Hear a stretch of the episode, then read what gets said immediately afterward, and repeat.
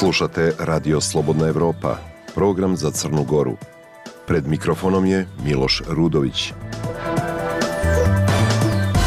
Dobar dan, poštovani slušaoci, ponedjeljak je 26. februar. Ovo su naslovi dana. Dojave o postavljenim eksplozivnim sredstvima u školama na Crnogorskom primorju.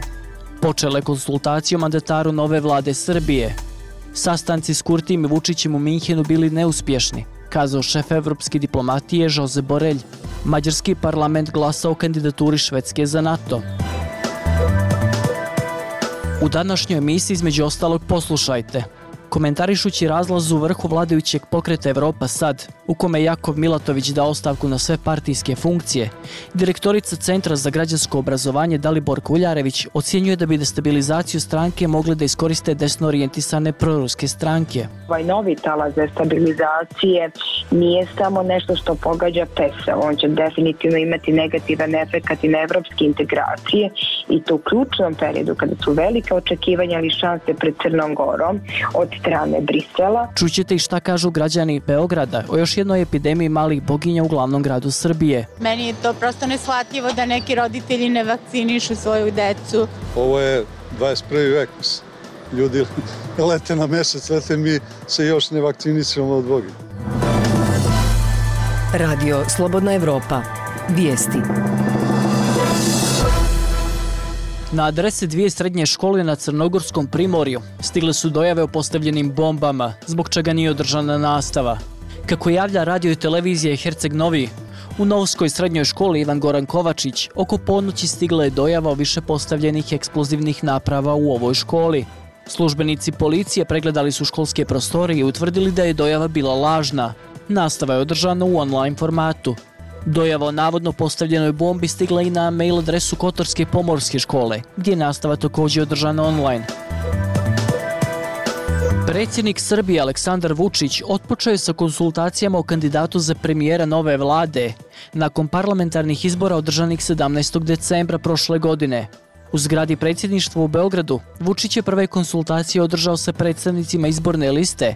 Politička borba Albanaca se nastavlja. Šaip Kamberi, Kamberi je nakon konsultacija novinarima kazao da nije opcija da njegova lista bude dio nove vlade. Istakao je da je neophodno da se najprije realizuje deseca godina star politički plan o integraciji Albanaca u državne organe. Vučić je potom obavio konsultaciji sa predstavnicima liste Ruska stranka Sloboda Nikolić. Nikolić je novinarima kazao da stranku ne interesuje mjesto ministra ili državnog sekretara u novoj vladi, već neka uloga u Skupštini Srbije vezana za odnose sa Rusijom. On je kazao da podržava stav Vučića protiv uvođenja sankcija Rusiji. Vladajuća Srpska napredna stranka osvojila je apsolutnu većinu na izborima 17. decembra. Dio opozicionih stranaka traži poništavanje izbora zbog neregularnosti, na koje su ukazali domaći i međunarodni posmatrači.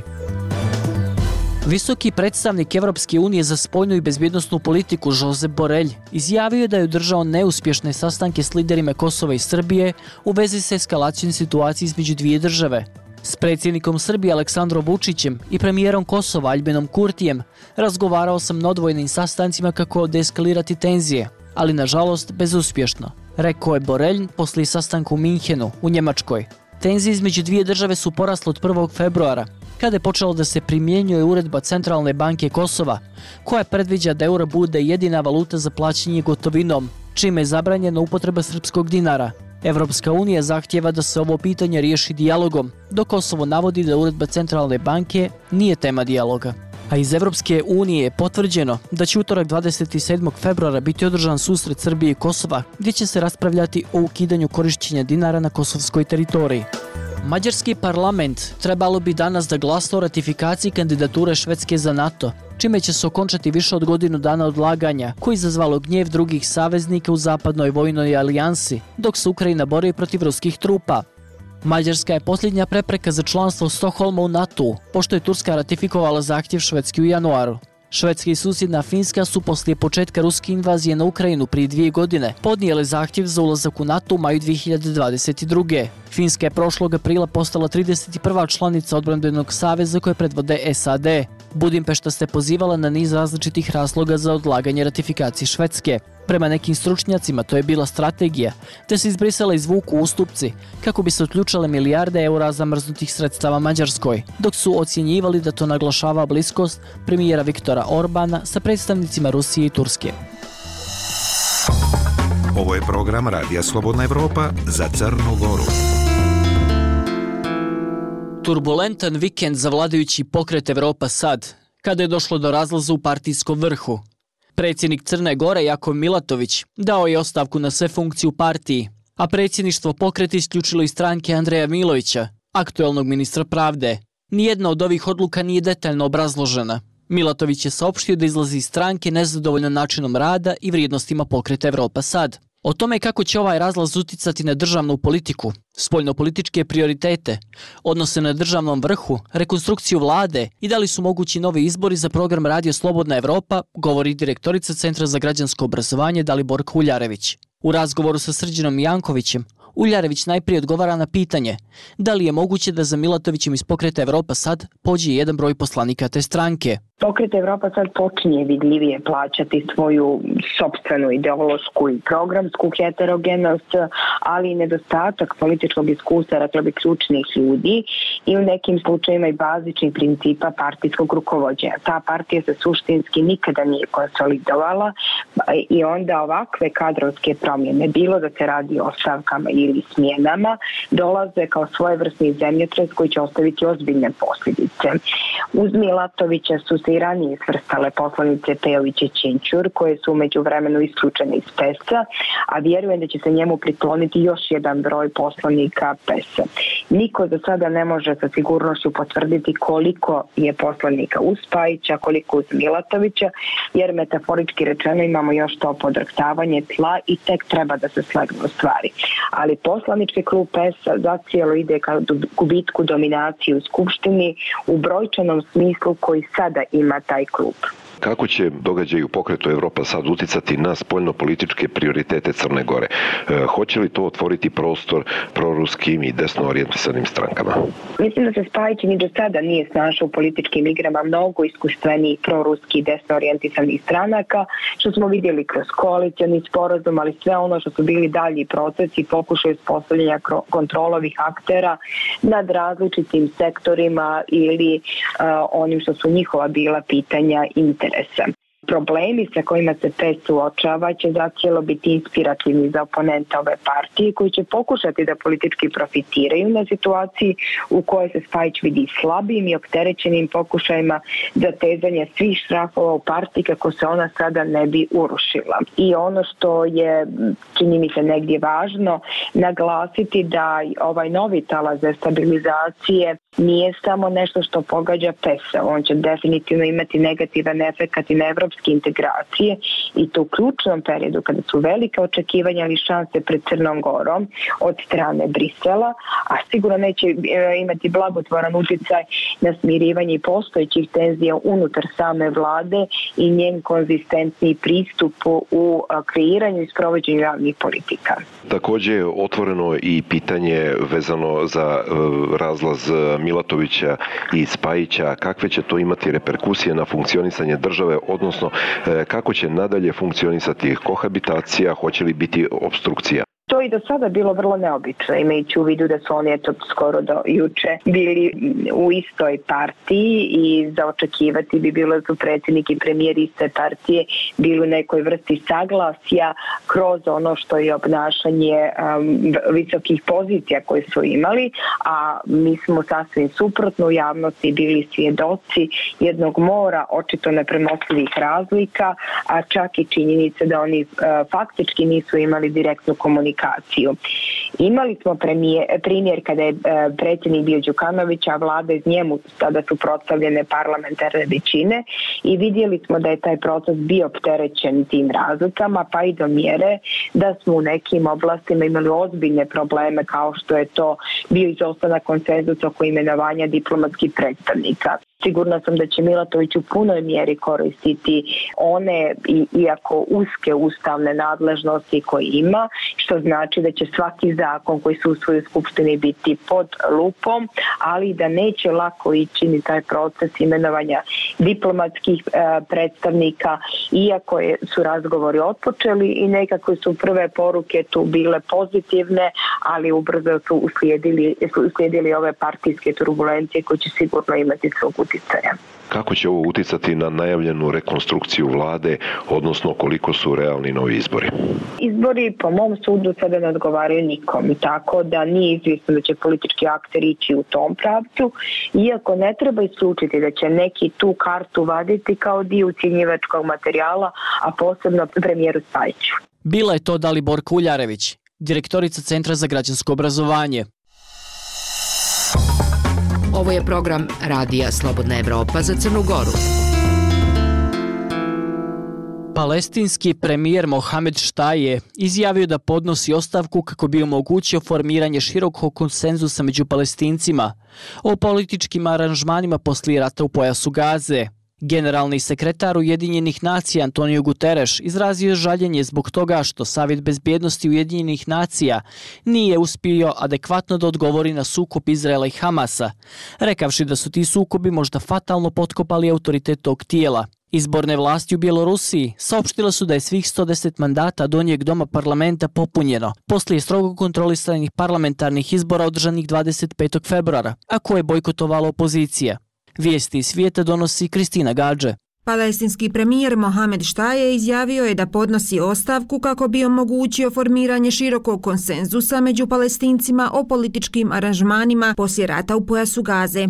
Predsjednik Mahmud Abbas mora odlučiti prihvaća li ostavku Štaja i njegove vlade. U izjavi vladi Štaje koji je preuzeo dužnost 2019. godine rekao je da će u sljedećoj fazi trebati uzeti u obzir novu stvarnost u pojasu Gaze koja je opustošena poslije skoro pet mjeseci teških borbi. On je rekao da je pored novih političkih aranžmana potrebno proširivanje autoriteta palestinske uprave na cijelu zemlju, Palestinu. Palestinska uprava formirana prije 30 godina u skladu s privremenim mirovnim sporazumom iz Osla ima ograničenu vlast na dijelovima okupirane zapadne obale, ali je izgubila vlast u Gazi poslije borbe s Hamasom 2007. godine. Glavni tajnik Ujedinjenih naroda Antonio Guterres je izrazio žaljenje zbog toga što Vijeće sigurnosti Ujedinjenih naroda nije uspjelo adekvatno odgovoriti na sukob Izraela i Hamasa, kojeg Sjedinjene američke države i Europska unija smatraju terorističkom organizacijom i rusku invaziju na Ukrajinu, rekavši da su ti sukobi možda fatalno potkopali autoritet tog tijela. Glavni tajnik Ujedinjenih naroda ocijenio je da je Vijeću sigurnosti Ujedinjenih naroda potrebna ozbiljna reforma sastava i metoda rada.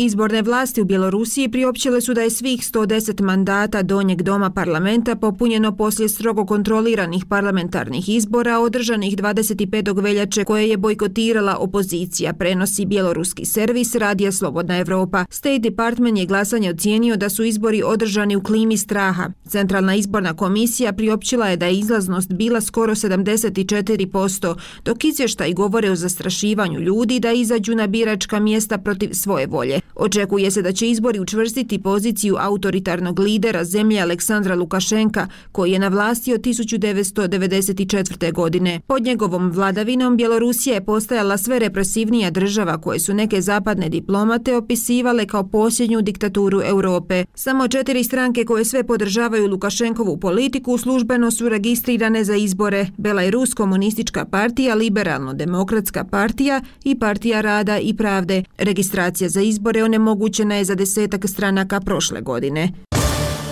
Kijev je pozvao Poljsku da kazni odgovorne za prosipanje ukrajinskog tereta žitarica na granici tijekom vikenda, izjavio je zamjenik premijera Oleksandar Kubrakov. Oko 160 tona ukrajinskih žitarica uništeno je na poljskoj željezničkoj stanici u jegu protesta, za što je visoki ukrajinski službenik 25. veljače rekao da predstavlja čin nekažnjivosti i neodgovornosti. Poljski poljoprivrednici koji protestiraju zbog, kako navode, nepovjerljive konkurencije iz Ukrajine, ali i ekoloških propisa Europske unije, blokirali su granične prijelaze s Ukrajinom, kao i autoputeve i namjerno prosuli ukrajinske proizvode iz vagona. Za Radio Slobodna Evropa Kristina Gađe. A predstavnici britanske i ukrajinske ambasade upozorili su u Sarajevu na uticaje ruske propagande u Bosni i Hercegovini i Balkanu na konferenciji Dezinformaciji maligni strani uticaj, koji je organizovala Balkanska istraživačka mreža BiH. Otpravnik poslova ambasade Velike Britanije u Bosni i Hercegovini Nil Kvana i otpravnik poslova ambasade Ukrajine u Bosni i Hercegovini Jaroslav Simonov. Danas je upravo vrijeme da uvećamo, da udvostručimo ovu našu pomoć, a, a tome doprinose i događaj poput ovog u Sarajevu i a, na taj način bacamo svjetlo, odnosno na osvjetljavamo, bacamo svjetlo na ruski toksični, toksično korištenje dezinformacija, na dijeljenje lekcija iz Ukrajine i na rad koji se ovdje desio 1990. Conflict in Ukraine and the conflict here in the 1990s. Ruska propaganda, kako mi vidimo, želi se širiti i dalje i na ove prostore, pogotovo to lanciranjem njihovog propagandističkog kanala Sputnik News i takve slične, jer danas mi ne čujemo pravdu, niti jedne slovo, riječ pravde od strane Rusije, sve nekakve izmišljotine, sve, sve nekakve ebuloze i sad oni žele čak prepisati i našu i svjetsku povijest. Bili su to otpravnici poslova ambasada Velike Britanije i Ukrajine, Nil Kavana i Jaroslav Simonov. U radu konferenciji učestvuju i ukrajinski novinari, koji su doputovali u Sarajevo kako bi podijelili svoje iskustva izvještavanja o ratu, razgovarali o tome kako se boriti sa prijetnjom od ruskih dezinformacija i kako bi čuli o ruskom uticaju na Zapadnom Balkanu. Ovo je program Radija Slobodna Evropa za Crnu Goru. Slušajte nas svakog dana u 13.30. Tema najnovijeg mosta Radija Slobodna Evropa bila je da li će u Srbiji i Hrvatskoj ponovo biti uvedeno obavezno služenje vojnog roka. Sagovornici Omera Karabega bili su direktor istraživanja Beogradskog centra za bezbjednostnu politiku Predrag Petrović i analitičar Zagrebačkog portala Odbrana i sigurnost Igor Tabak. U nastavku slušamo dio razgovora. Gospodine Petroviću, nedavno je predsjednik Srbije Aleksandar Vučić izjavio da je razgovarao sa vojnim vrhom Srbije o ponovnom uvođenju obaveznog služenja vojnog roka i da su mu generali izneli, kako je rekao, uverljivu argumentaciju da je to potrebno. Rekao je da im je naložio da do 1. maja dostave predloge. Znači li to da je uvođenje obaveznog vojnog roka u Srbiji gotova stvar? Pa nije još gotova, ali je veoma izvesna s obzirom da se Vojska Srbije već dugi niz godina suočava sa velikim odlivom kadra iz njenih redova i tu se ne radi samo o običnim vojnicima, nego se radi o visoko obučenim oficirima Vojske Srbije. Na taj način praktično sadašnje političke vlasti pokušavaju da poprave, nadomeste posledice lošeg upravljanja vojskom Srbije. A najlakše je naravno da se krene sa pričom o obaveznom vojnom roku. Pored toga, ponovno aktualizovanje priča o vojnom roku je veoma pogodno i za političke vlasti u smislu podizanja rejtinga, s obzirom da vojska Srbije već tradicionalno uživa visoko poverenje kod građana Srbije i oni je smatraju za najmanje korumpiranu instituciju. Na taj način, kada se vi oslonite na vojsku, kada prikazujete da vi već ulažete finansijska sredstva u obnovu naoružanja, a sada i brojno pokušavate da ojačate vojsku, to dođe veoma zgodno političkim vlastima, ovim veoma za njih nezgodnim političkim vremenima. Gospodine Tabak, nedavno je i hrvatski ministar obrane Ivan Anušić izjavio da se pripremaju tri scenarija dužine vojnog roka koji će biti prezentirani predsjedniku i premijeru i da će nakon toga uslediti dogovor na koji način i od kada provoditi vojni rok. Znači li to da će uskoro biti doneta odluka o ponovnom uvođenju obaveznog služenja vojnog roka u Hrvatskoj? Mislim da je to jako neizvjesno, da pa će čak i ne baš vjerojatno. S jedne strane u Hrvatskoj se ta tema povlači svakih nekoliko godina uvijek s margina političkog spektra, i ovog puta, evo u zadnjih mjesec dana, to je opet u saboru stavljeno kao tema, a mislim da se više uklopilo u naš predstojeći predizborni kontekst budući da evo u Hrvatskoj je ovo velika izborna godina i što se tiče parlamentarnih izbora i europskih izbora i onda predsjedničkih izbora i čini mi se da je to zapravo glavni okvir unutar kojeg se tu zapravo igramo a u Hrvatskoj je vojni rok zamrznut, dakle nije ukinut, zamrznut je odlukom parlamenta, pa bi vjerojatno onda i za bilo kakvo odmrzavanje ili promjenu opet trebala odluka parlamenta i to sve skupa jasno stavlja stvar na sam rub političkog horizonta. Gospodine Petroviću, zašto je obavezno služenje vojnog roka ponovo aktuelno u Srbiji Da li zbog nestabilne situacije u svetu, da li se Srbija osjeća ugrožena?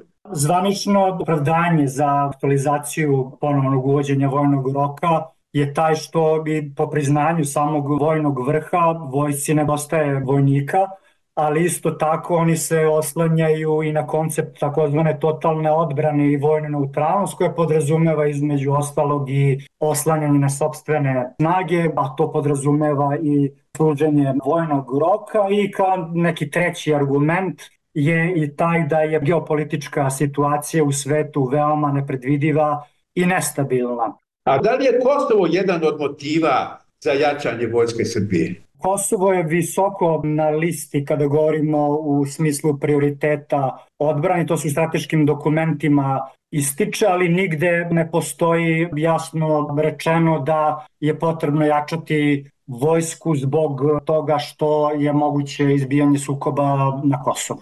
Gospodine Tabak, da li se u Hrvatskoj pokreću razgovori o ponovnom uvođenju obaveznog vojnog roka zbog nestabilne geopolitičke situacije? Treba li se pripremati za najgore? Uzmite u obzir da je Hrvatska, za razliku od Srbije, u NATO-u i u Europskoj uniji. Dakle, ona je i tekako svrstana, apsolutno niti ne tvrdi, niti nije nesvrstana ili neutralna. To se tiče globalnih stvari, Hrvatska i politika i obrana se uklapaju u širi zapravo okvir. Prema tome, Hrvatska je jako jasno, recimo što se tiče rata u Ukrajini, svrstana sa Ukrajinom. Hrvatska, što se tiče Izraela, također igra unutar europske politike. U nekim diskusijama bilo je spomena i Ukrajine, i Izraela, i Gaze, i Hutija, i Jemena, i čega već sve ne, ali dobrim dijelom čini mi se da ta rasprava u Zagrebu je na neki način potaknuta gledanjem naše političke desnice prema Beogradu i prema Srbiji. Jer to znači da oni koji se zalažu za ponovno uvođenje obaveznog vojnog roka misle da to treba uraditi zato što to radi Srbija. To je jedan od argumenta ali jednako ko što se u Srbiji baš ne voli spominjati Kosovo, tako i Srbija nije jedini argument, pa se onda priča o široj globalnoj situaciji, o nekakvim novim prijetnjama koje zapravo malo tko definira. Bili su to Predrag Petrović, direktor istraživanja Beogradskog centra za bezbjednostnu politiku, Igor Tabak, analitičar Zagrebačkog portala Odbrana i sigurnost. Kompletan most dostupan je na našoj internet stranici slobodnaevropa.org. Slike svakodnevnice šta muči ili inspiriše mlade kako prošle političke odluke utiču na našu budućnost. Ove i druge teme slušajte u podcastima Radija Slobodna Evropa. Sve epizode pronađite na iTunesu, Spotify, Google podcastima, kao i na slobodnaevropa.org. Slušajte odmah ili preuzmite epizodu za kasnije. Tu smo svakog dana. Podcasti Radija Slobodna Evropa. Nakon što je na društvenim mrežama objavljen snimak nevladine organizacije za pomoć izbjeglicama Legisti Skoplja, u svrdnje da je policija Srbije nasilno i nehumano protjerala grupu izbjeglica u susjednu Sjevernu Makedoniju, Ministarstvo unutrašnjih poslova Srbije to negira. U Ministarstvu unutrašnjih poslova Sjeverne Makedonije za Radio Slobodna Evropa kažu da su u pograničnom selu Lojane pronašli 15 ljudi iz Sirije, od kojih su neki imali povrede po tijelima. Radoš Đurović iz Nevladinog centra za pomoć migrantima i tražiocima azila ocjenjuje da od početka godine bilježe svjedočenja ljudi o učestalim pushbackovima, odnosno prisilnim protjerivanjima. Detaljniji u prilogu Ive Martinović i Mile Manojlović. Na dva snimka koje je na društvenoj mreži X objavila organizacija za pomoć ljudima u pokretu iz Severne Makedonije Legis, vidi se grupa muškaraca u donjem vešu kako po hladnoći u koloni, po mraku idu putem. Radio Slobodna Evropa nije mogao nezavisno da potvrdi sadržaj snimaka. U organizaciji Legis navode da je reč o ljudima iz Sirije i Bangladeša, koje je srpska policija na granici najpre primorala da skinu garderobu, a potom i pushbackovala, odnosno prisilno ilegalno proterala nazad u Severnu Makedoniju, odakle su i ušli na teritoriju Srbije. Jasmin Redžepi iz Legisa kaže da su snimci nastali kod sela Lojane u Severnoj Makedoniji, u blizini granice sa Srbijom. Ide u dva pushbacka, proterano oko 70 ljudi.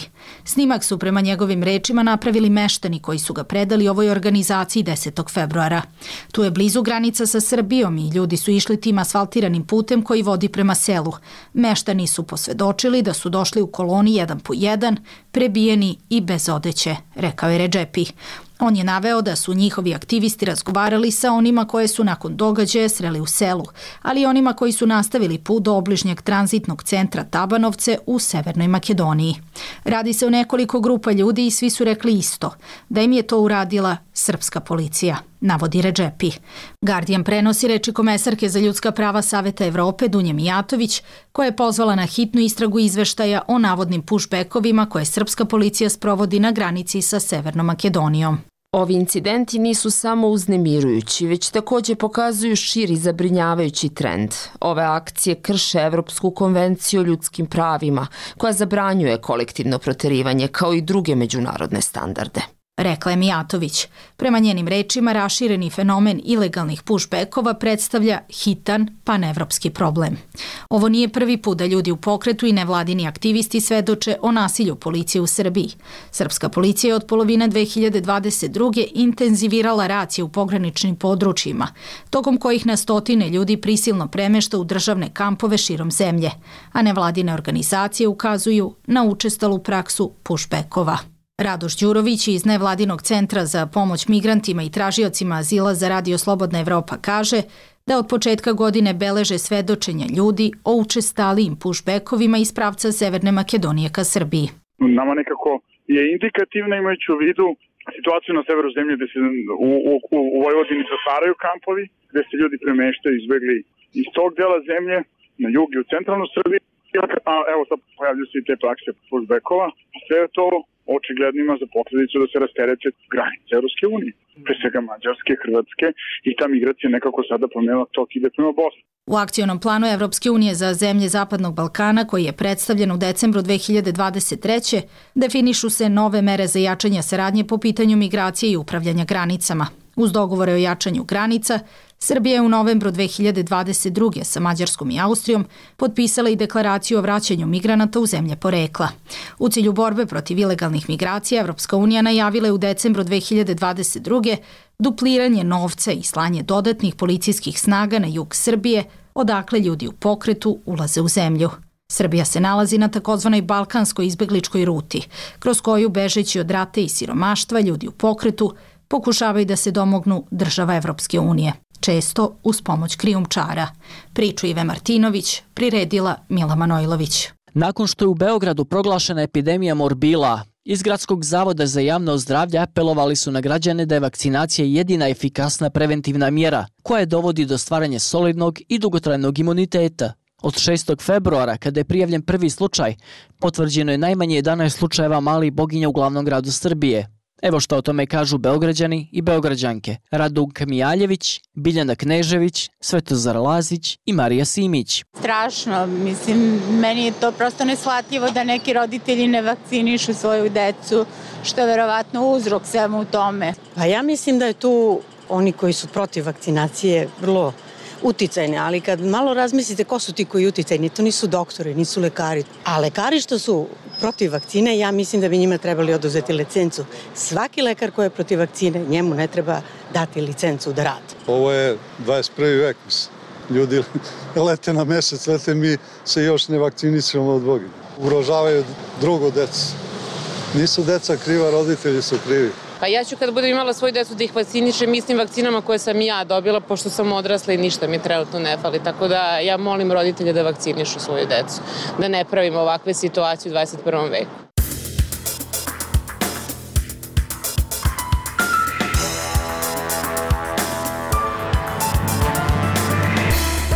Još jednom za kraj, vijesti dana. Dojave o postavljenim eksplozivnim sredstvima u školama na Crnogorskom primorju. Počele konsultacije o mandataru nove vlade Srbije. Sastanci s Kurtijem i Vučićem u Minhenu bili neuspješni, kazao šef evropske diplomatije Jose Borelj. Mađarski parlament glasao kandidaturi Švedske za NATO. Bilo je to sve u današnjoj emisiji. Sa vama su bili Vesna Jelčić i Miloš Hrudović. Ekipa Radija Slobodna Evropa Crna Gora vam želi prijatan dan.